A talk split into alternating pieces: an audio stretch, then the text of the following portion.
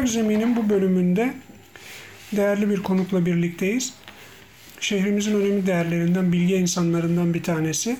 Şehirde bir akil adamlar kurulu oluşturulsa 10 kişilik muhtemelen içinde mutlaka olacak olması gereken bir insan. Eski kulüp başkanlarımızdan ve belediye başkanlarımızdan Sayın Erkaletçioğlu ile birlikteyiz. Başkanım merhabalar. Merhaba. Ee, Sakaryaspor'un mazisiyle ilgili kısa söyleşiler yapıyoruz ve bunları daha sonra Sakarya ve Sakaryaspor sevdalılarıyla paylaşıyoruz. Zaman ayırdığınız için çok teşekkür ediyorum. Sohbetimize Etçioğlu ailesinden başlamak istiyorum Sakaryaspor'a geçmeden önce. Etçioğlu ailesinin Sakarya serüveni, sizin Sakarya serüveniniz nasıl başlıyor? Kısaca anlatır mısınız? Evet. e, Ya bizim ailemizin şeyi biz Adapazarı'nın yerlisi dediği insanlardayız. İnsanlardanız. Burada manav diyorlar ama aslında Yörük Türkmen dediğimiz şeyler.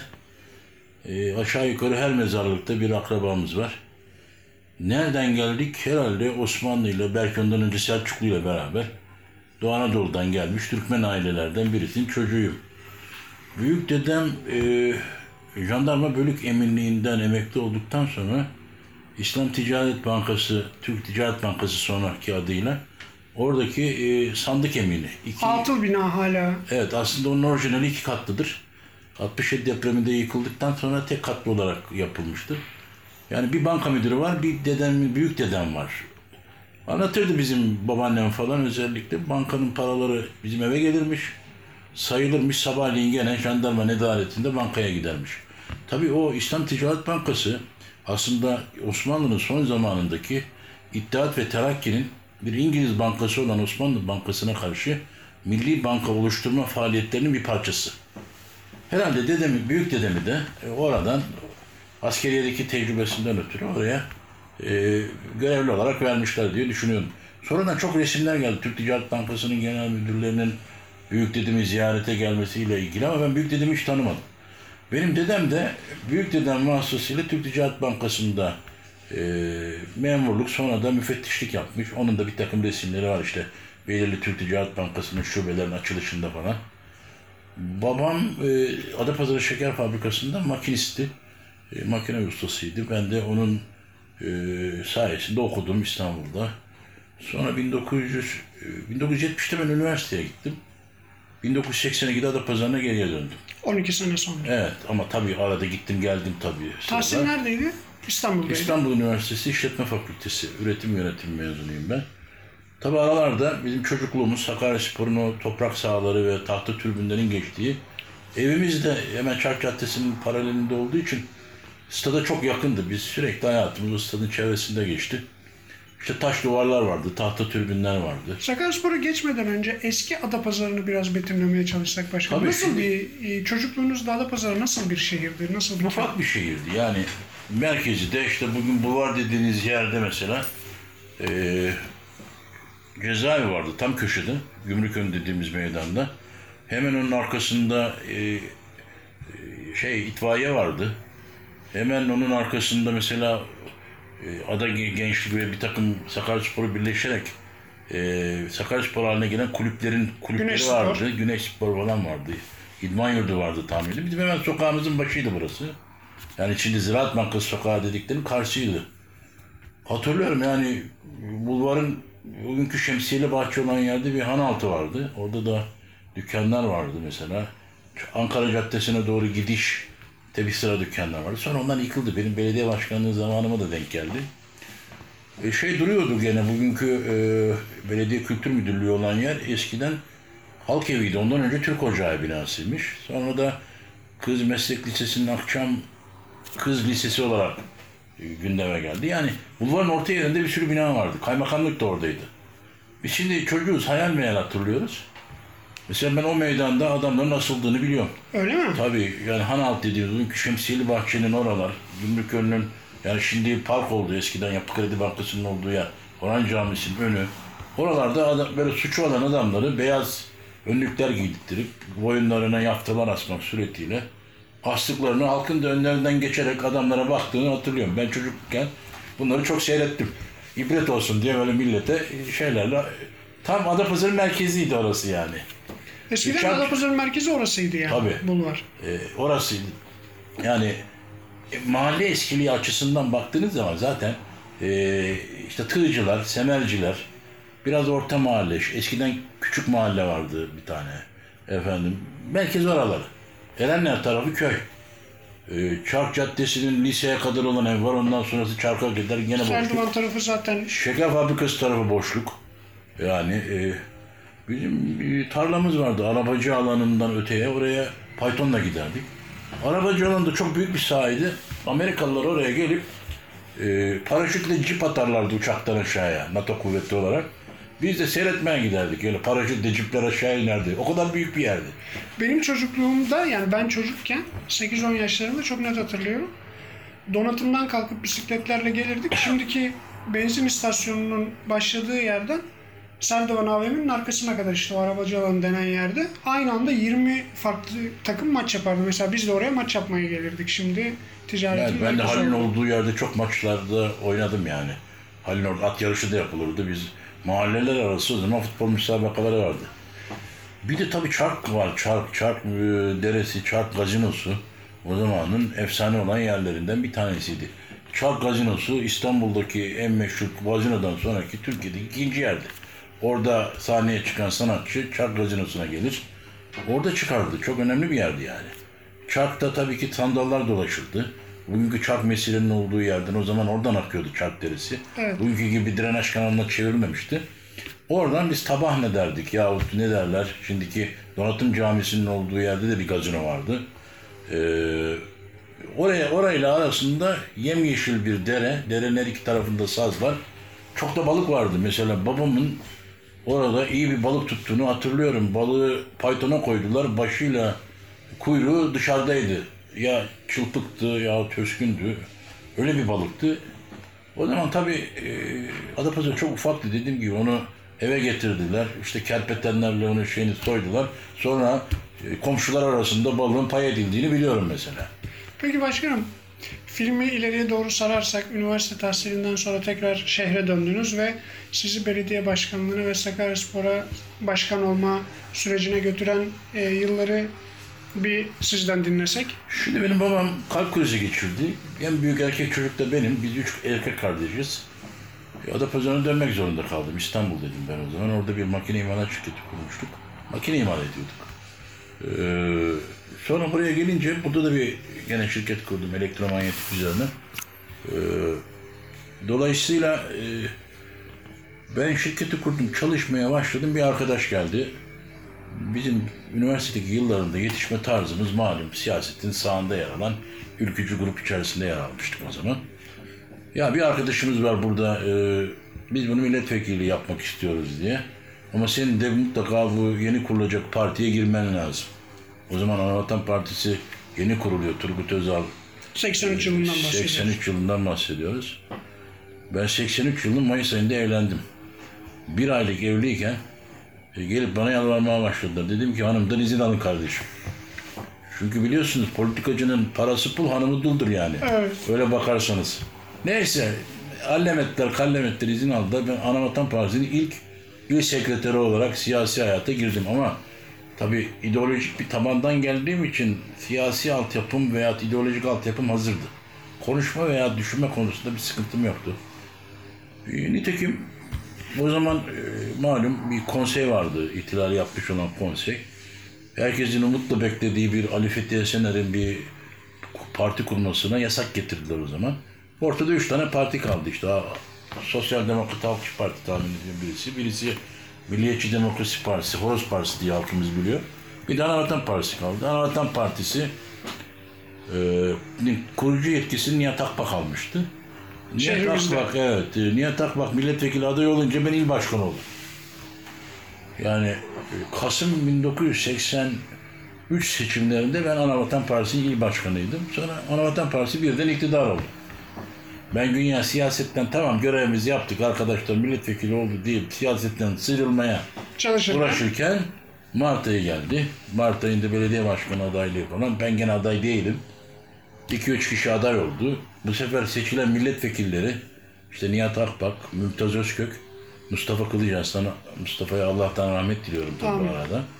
Bana gelip yaklaşık bir hafta yalvardılar ya bu işi sen senden daha iyi bir aday bulamayız diye. Neyse ona da razı geldik. Kimsenin beni tanımadığı zaman ben Adapazarı Belediye Başkanı seçildi. Yaşınız geçti. zannediyorum. 29 yaşındaydım 29 o yaşında. zaman. 30 bile Ee, değildiniz. il- evet. yani Türkiye'deki iller içindeki en genç belediye başkanıydık o tarihte. Tabii belediyeye girdik. Belediyede paşa var. Pa- e, e, ondan aldık biz idareyi. Tabii normalleştirme dediğimiz şey hep bir numarada. Ne yapalım? Belediyenin önce yönetim organizasyonunu değiştirdik. E, bugünkü birçok müdürlüğü ben kurdum o zaman. Arkadan e, normalleşme başlayınca yasalar daha demokratik ve daha e, çağdaş ölçülere göre e, şey yapmaya başlayınca bu sefer e, altyapı projelerine girdik. İşte içme suyu, kanalizasyon. Bunlar bizim çok zamanımızı aldı işte. PTT'nin e, telefon hatlarının yer altına alınması. İçme suyu 10 milyon tondan 34 milyon tonsuna çıktı. E, Adapazarı'nın kanalizasyon projesinin projesini çizdirdik, ihale ettik. Bölge trafiğin oradan başladı. Bir sene e, devam ettikten sonra bizden sonra gelen belediye yeni baştan yapılıyormuş gibi temel atma töreni yaptı Ozanlar tarafında. Neyse e, siyaseten e, e, çok ilginç dönemler yaşadık. Sakaryaspor Başkanlık yolu nasıl döşendi? Ya Sakaryaspor küme düşmesi kesinleşmişti. İki maç kala ben idareyi e, avukat olan e, bizim eski başkanlarımızdan Sabri Küçük değil mi? yok yok Hilmi abiden aldım. Hilmi Ungan. e, yok. E, neyse e, yani Hilmi, Hilmi Başkan'dan aldım. Tamam.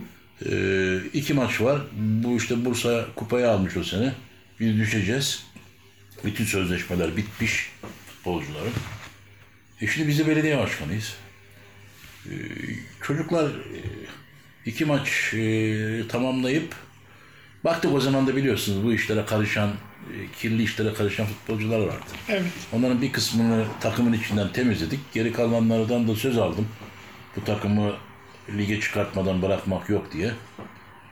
Ee, tahmin ediyorum bütün futbolcuların e, çoğunun bitmişti sözleşmesi. Onları ikişer sene yeniledik. Yani bunun içinde işte Büyük Aykut var, Küçük Aykut var, Nezihi var, efendim Oğuz var. E, aklınıza gelen şey. E, şeyden Düzce'den Serdar'ı aldık. Sonra e, ikinci yıl e, Trabzonlu Kemal e, Kemal kimdi o? İşte Mustafa ile Kemal'i aldık. Yani e, bunlarla takım iyi bir noktaya geldi. O sene zaten şampiyon oldu. Konya ile bir şampiyonluk mücadelesi oldu. Unutulmaz sene. Evet. Ee, sonra işte o arada ben transferi yaptım. Hazırlık maçlarını e, oynadık. Bana Ankara'dan rahmetli Turgut Özal aradı. Başkanım tamam şampiyon ettin takımı. Artık lütfen siyasete dön. En Takımı da güvendiğin birisine emanet et. Sen siyasete dön dedi. Bizi tabii şimdi o mücadele sırasında Konyalılara karşı bizi rahmetli Özal'ın koruduğunu biliyorum. Yani Konya bizden daha büyük bir vilayetti. Paraları da çoktu. Bir de hatırladığım kadarıyla Mehmet Keçeciler faktörü de Tabii vardı. tabii Konya'yı yani ona rağmen eden. biz olduk. Evet. Bir sürü Özal'a çok yakın bir olduk. insandı. Evet. e, dolayısıyla orada bize gelen baskıları rahmetli Özal bastırmıştır. E, ama dediğim gibi o zaman Türkiye'de bir dönüşüm vardı. Biz e, bütün Türkiye'de o zaman İstanbul'un belediye başkanı Bedrettin Dalan'dı. Evet. Hep beraber işte vurgun talan düzeni falan filan o propagandanın içinde hepimiz seçimleri kaybettik. 1989'un Mart ayında. Şimdi tabii bu dönem içerisinde takım önce ikincilikten birinci lige çıktı. Evet. Sonra da dediğim gibi e, genel kaptan Sabri Küçük'tü. Sabri Bey transferi ben yapmıştım. Sabri Bey de genel kaptandı. Yine dediğim gibi biz belediyeden yapılan desteğe devam ettirmek üzere o sene Aydın önce Fikret Başkanı görevlendirdik. Sonra Aydın Bey'in gelişine e, şey yaptık. Aydın Bey'le de o zaman e, Tuncer abinin araları pek yoktu ama sonra razı geldiler falan. E, sonuçta e, Sakaryaspor o sene de kupayı aldı. Evet.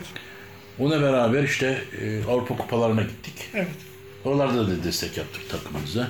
Belediye şey olunca e, tabii ki önemli bir e, kaynak oluyor. Kaynak olup da yani ekstradan bir para vermiyorsunuz. Sadece şehir rantını, şehirden dönen rantını oraya yönlendiriyorsunuz. Yani bu rant nasıl sağlanır? İşte belirli kum ocakları, bunların ihalesi, imarla ilgili bir takım talepler veyahut Peki o su faturalarına kulübe için biraz cüzi miktarlar şey yani biz pul hazırlattık. Pulları su faturalarına yapıştırdık. Hiç kimse de itiraz etmeden o paraları ödedi yani problem yok. Diğer başka yerlerden de oldu yani. Mesela her kum kamyonuna belirli bir para koyduk. Yani bu başarının ortaya çıkmasındaki benim zamanımda bu başarı bana ait değil. Ben sadece Sakarya'yı organize ettim. Sakaryaspor yönetimini bütün partileri temsilen herkese aldım. Onu soracaktım. Yani- Yönetimde kimler vardı başkanım hatırladığınız? Yani Sabri Küçük genel kaptanımdı. Enver Şükür vardı. Aydın Zengin vardı. Efendim Fikre Şen vardı mesela. Ee, o zaman Engin Özkal vardı.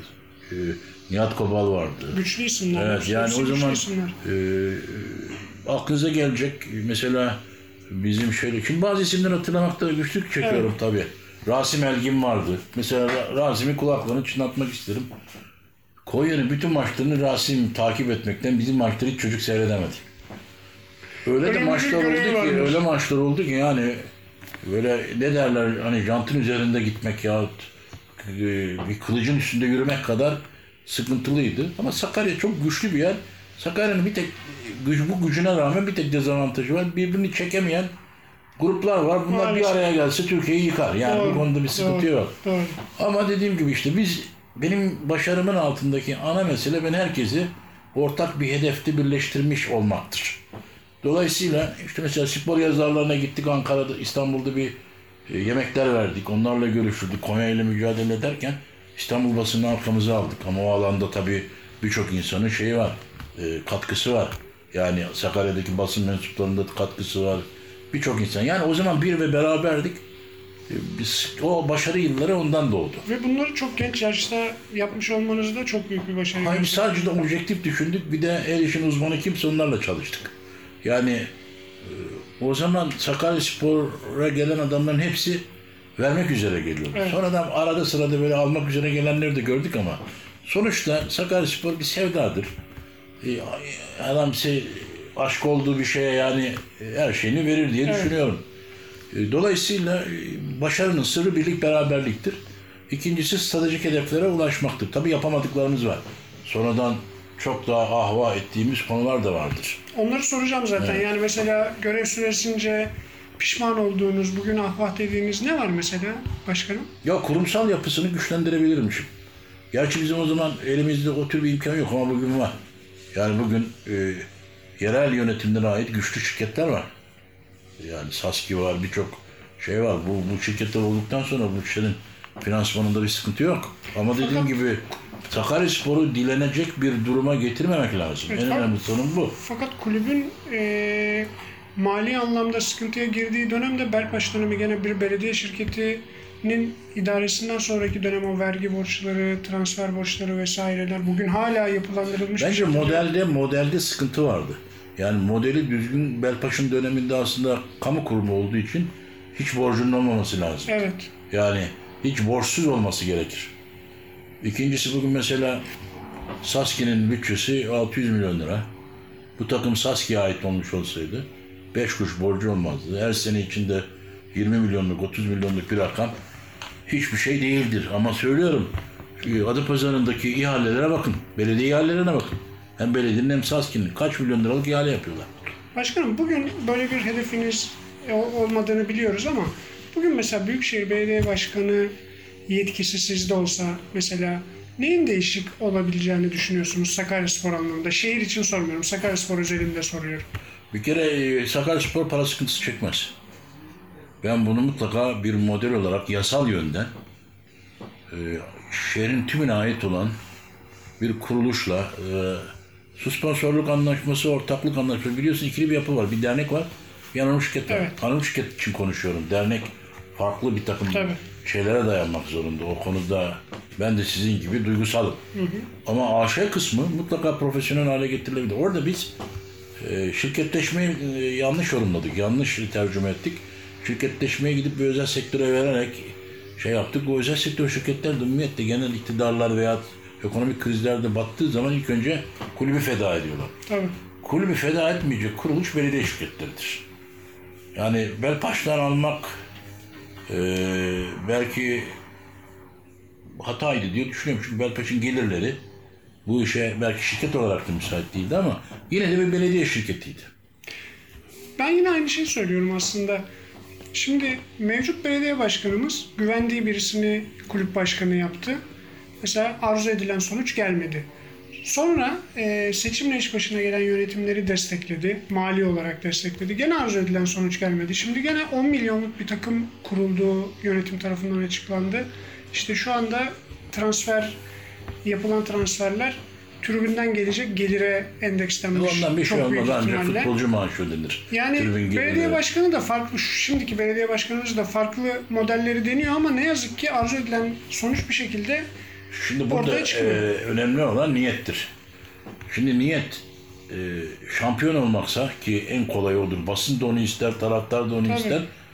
E, bence şampiyonluk üzerinden değil de e, yeniden yapılanma üzerinden ve kurumsallaşma üzerinden yürümek lazım. Zaten bunun sonunda şampiyonluk çantada kekiktir. kendisi kendi kendine gelir. Tabii düzenli ve artan bir gelire önce kavuşturmak lazım. İki, Adapazarı'nda spordan anlayan bir sürü adam var. Evet. Onların parası yok. Parası olanların da şöhreti yok. Parası olan geliyor, şöhret için meseleyi kullanıyor. Öbür adam da parası olmadığı için yanaşamıyor. İşte sıkıntı iki yönlü. Doğru. Dolayısıyla bu işi kurumsallaştırmak gerekli. Şimdi yerel yönetimler nasıl olsa yöneticileri seçimle geliyor. Halk birisini seçiyor, yerel yönetim başına geliyor. E Sakaryaspor'da halkın değil mi? Evet. Yani uluslararası bir marka olmuş bir kulübü e, yani yerel yönetim gibi bir şartta ya şu an belediye başkanı başkan olmasın yasa şu anda bir şey müsait değil. Müsait değil. Ama birçok yerde e, Başakşehir biliyorsunuz dahil örnek belediye şirketindedir bunlar. Demek ki onlar oluyor da biz niye bu işi başaramıyoruz? Şimdi şunu söylemek istiyorum. Ben olsam Saski'ye bağlardım. Yani 400 bin, 500 bin abonesi olan bir mal satan, asla suyun, şimdi evleri akıllı hale getirebilirsiniz. Yani doğalgaz ve elektrik birbirine yer değiştirebilir. E, su olmadan suyun alternatifi yok ki. Doğru. Çeşmenin başına oturmuşum. Demek ki Sakaryaspor orada olmak zorunda. Enerji işinde olmak zorunda. Bir şey yapmam, hiçbir şey yapmam. Sakaryaspor AŞ ticaret için kurmuş bir şeydir. Belediye ihalelerini ona versem, o da ihaleleri ilgililere dağıtsa, ben söylüyorum senede 20-30 milyon lira çabadan hiç zor bir iş değil yani. Ama bunun için önce e, güvenmek lazım, sonra cesaret etmek lazım. Evet. Hiç kimse tabii böyle riskli işleri ellemek istemez. Bu işler idealist adamların işidir. İdari maslahatla uğraşanlar bu işleri başaramazlar. Özellikle günümüzde.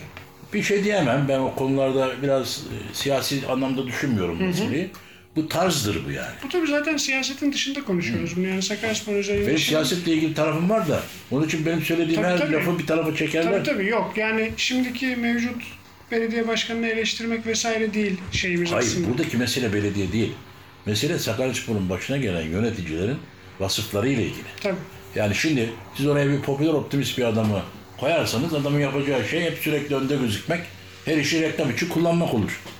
Bu modelleri de gördük. Tabii eğer bir mükemmelliyetçi melankolik koyarsınız o da sımsıkı her şey tamam olmadan harekete geçiremeyeceği için takımı yerinde çakılı bırakın. Bunu da gördük. He, o halde demek ki her bu, bu türlerin hepsini kullanabilecek e, yöneticilik becerisi yüksek, güçlü kolorik yapıda bir baş lazım. Doğru. Yani bir insanın mevkisi olması iyi yönetici olduğunu göstermez.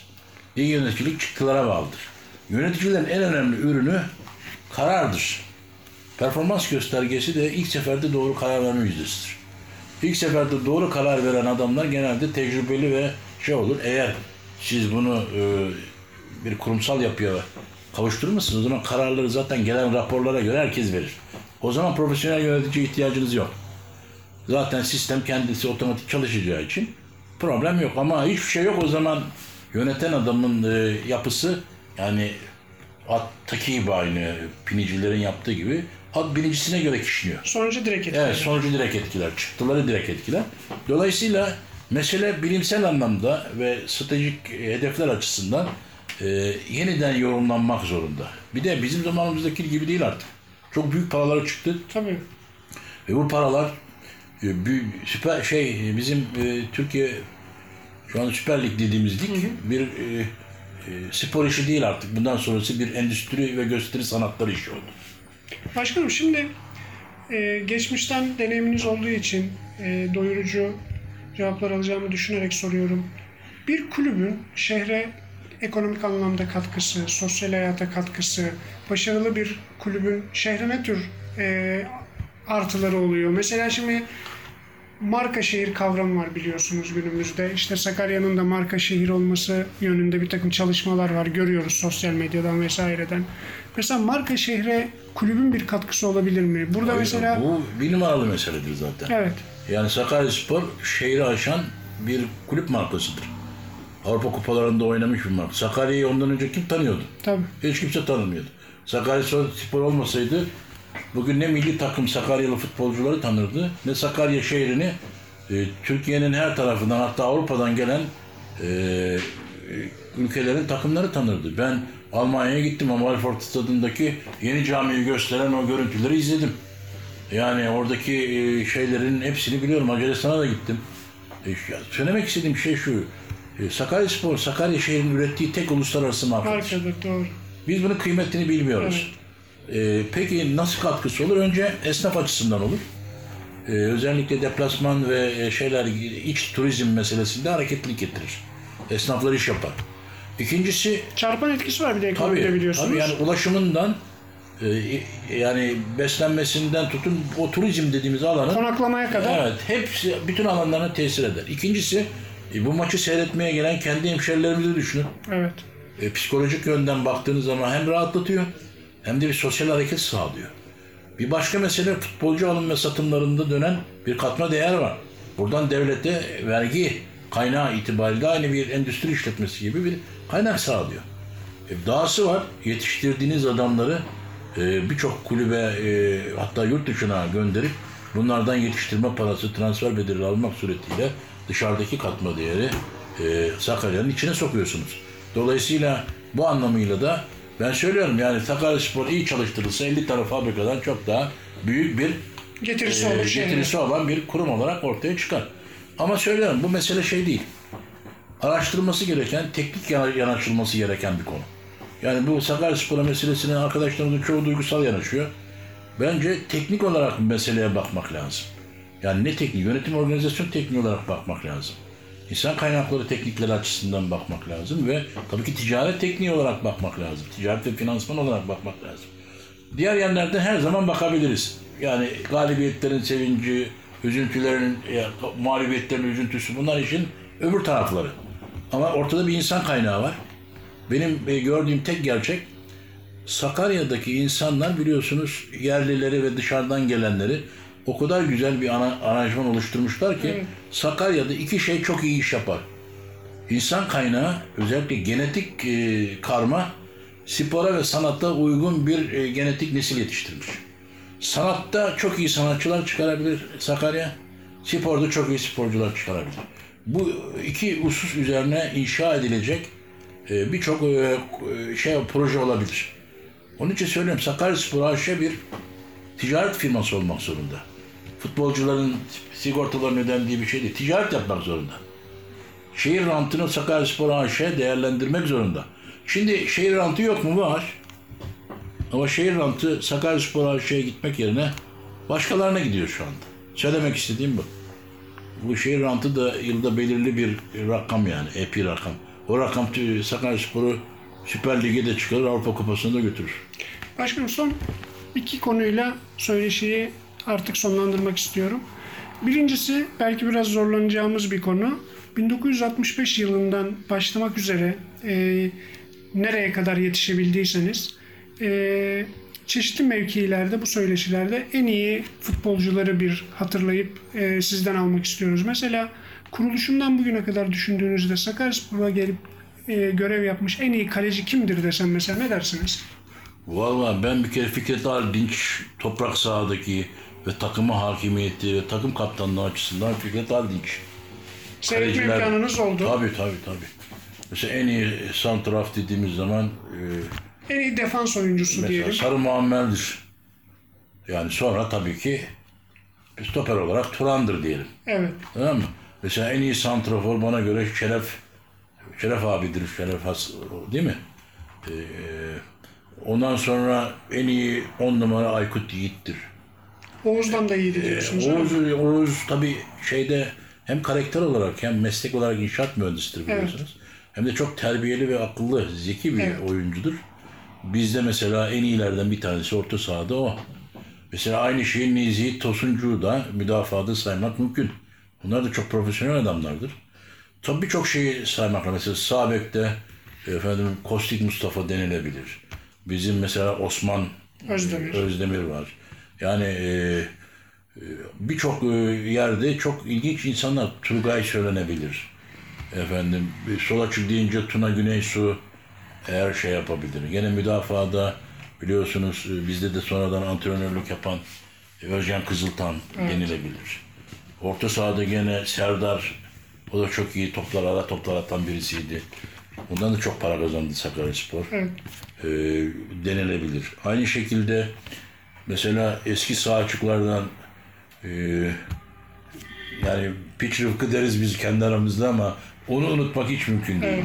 Yani baktığınız zaman Aslında yeni neslin keşke seyredebilse dediğimiz isimler değil mi? Bunlar yani bugünkü futbolcular. ya eskiden böyle baktığımızda- böyle ne bileyim herkes karışık otururdu. Çok ilginç mizah şeyler olurdu. Evet. Maçlar böyle tam bir sosyal olaydı.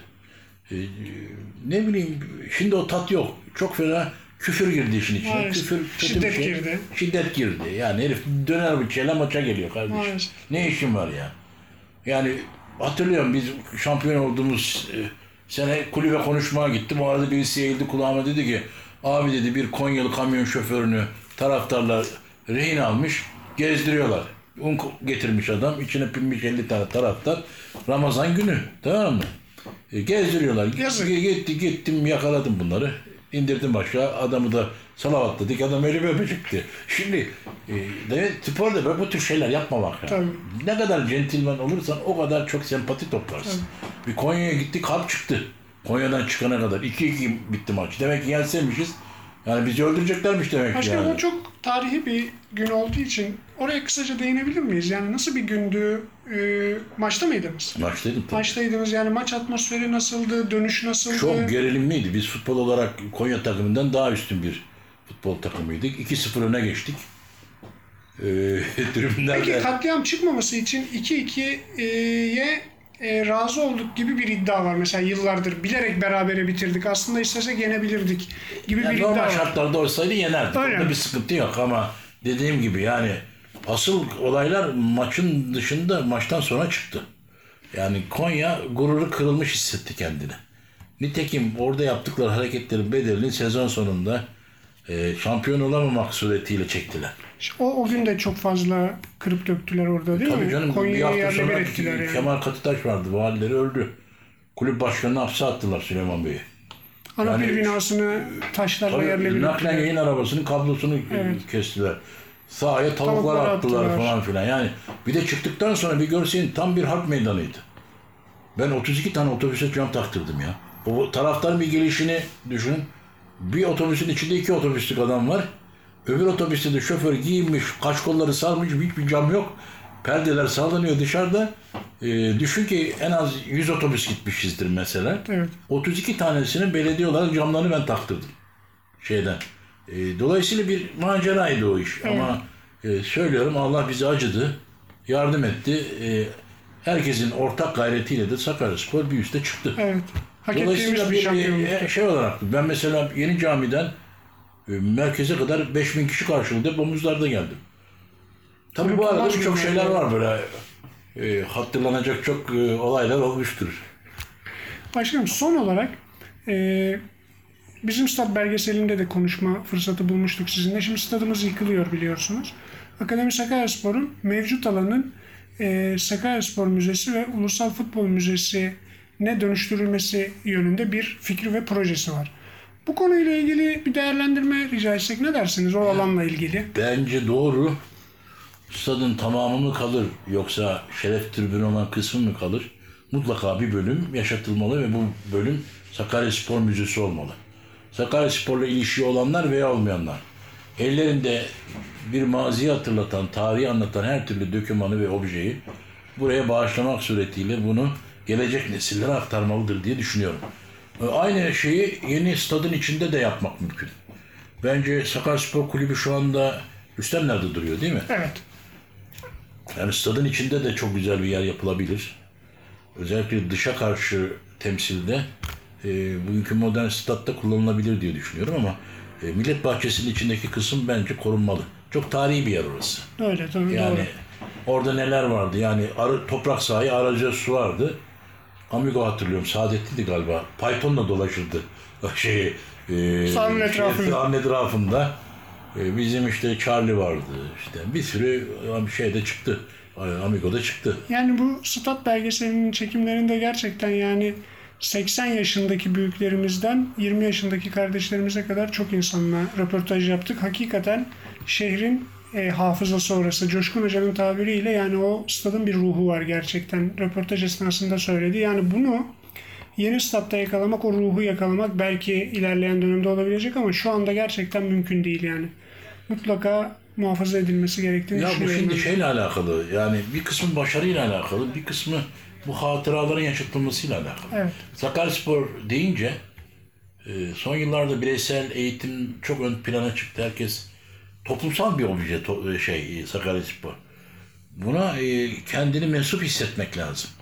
Şimdi Sakarya'da oturup burada yaşayıp Sakaryaspor'a kendini mensup hissetmeyen bir sürü de adam tanıyor. Tabii var. Yani e, bir de Sakaryaspor herkesi nereden gelirse gelsin, hangi etnik ve dini kökenden olursa olsun kaynaştıran bir kültür objesi.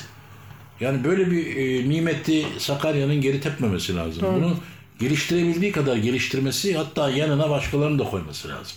Sadece spor değil yani sanat olma. Mesela Sakarya'nın çok eksiği var. Yani bir- konuşulacak konu çok da. Çok. Sen Sakaryaspor okullaşabilir. Bir lise yahut e, okul olarak bir, hem e, eski fut- futbolcu e, kaynağı itibariyle hem de diğer açısından marka bir okul haline gelebilir. Bir, bir şimdi Rüstemler tesisi var elinde. Tamam mı? E, diğer amatör kulüplerle bir araya gelip bir B takımı gibi bir şey planlayabilir. Ama her şeyden önemlisi Sakarya Rantır'ı profesyonelce Sakaryaspor AŞ'nin örgütlemesi lazım. Ve bunu yaparken de yasalara uygun, kimsenin hakkını yemeyen e, ve e, resmi yoldan bir kazanç sağlaması lazım. Bu mümkün diyorsunuz. Mümkün. Mümkün. Mümkün. Sakarya çok gelişti. Bizim zamanımızdaki gibi değil. Şu anda bu mümkün. Yalnızca biraz cesaret lazım. Biraz da konuyu bilmek lazım. Tabii ondan sonrası kurumsallaşma. Doğru. Yani e, şimdi statüler değişti, işlemler değişti, bilgisayar, yazılım her yere girdi. Dolayısıyla Sakaryaspor'u biraz modernize etmek gerekir diye düşünüyorum. Başkanım çok teşekkürler. Tadı biz damağımızda kalan bir söyleşi oldu. İnşallah başka konularda da engin deneyiminizden, birikiminizden faydalanmak isteriz. Çok sağ olun. Var mı son olarak eklemek istediğiniz şey? yaşadığımız müddetçe Sakarya'yı, Adapazarı'nı, buranın kültürünü ve insanlarını hep savunduk. Onlarla ilgili her türlü katkı yapmaya gayret sarf ettik. Bundan sonra da sarf edeceğiz. Çok Bir teşekkür şey olmamız da gerekmiyor zaten. Çok teşekkür Sadece Sakaryalı olmak yetiyor. Doğru. Çok teşekkürler. Ağzınıza sağlık.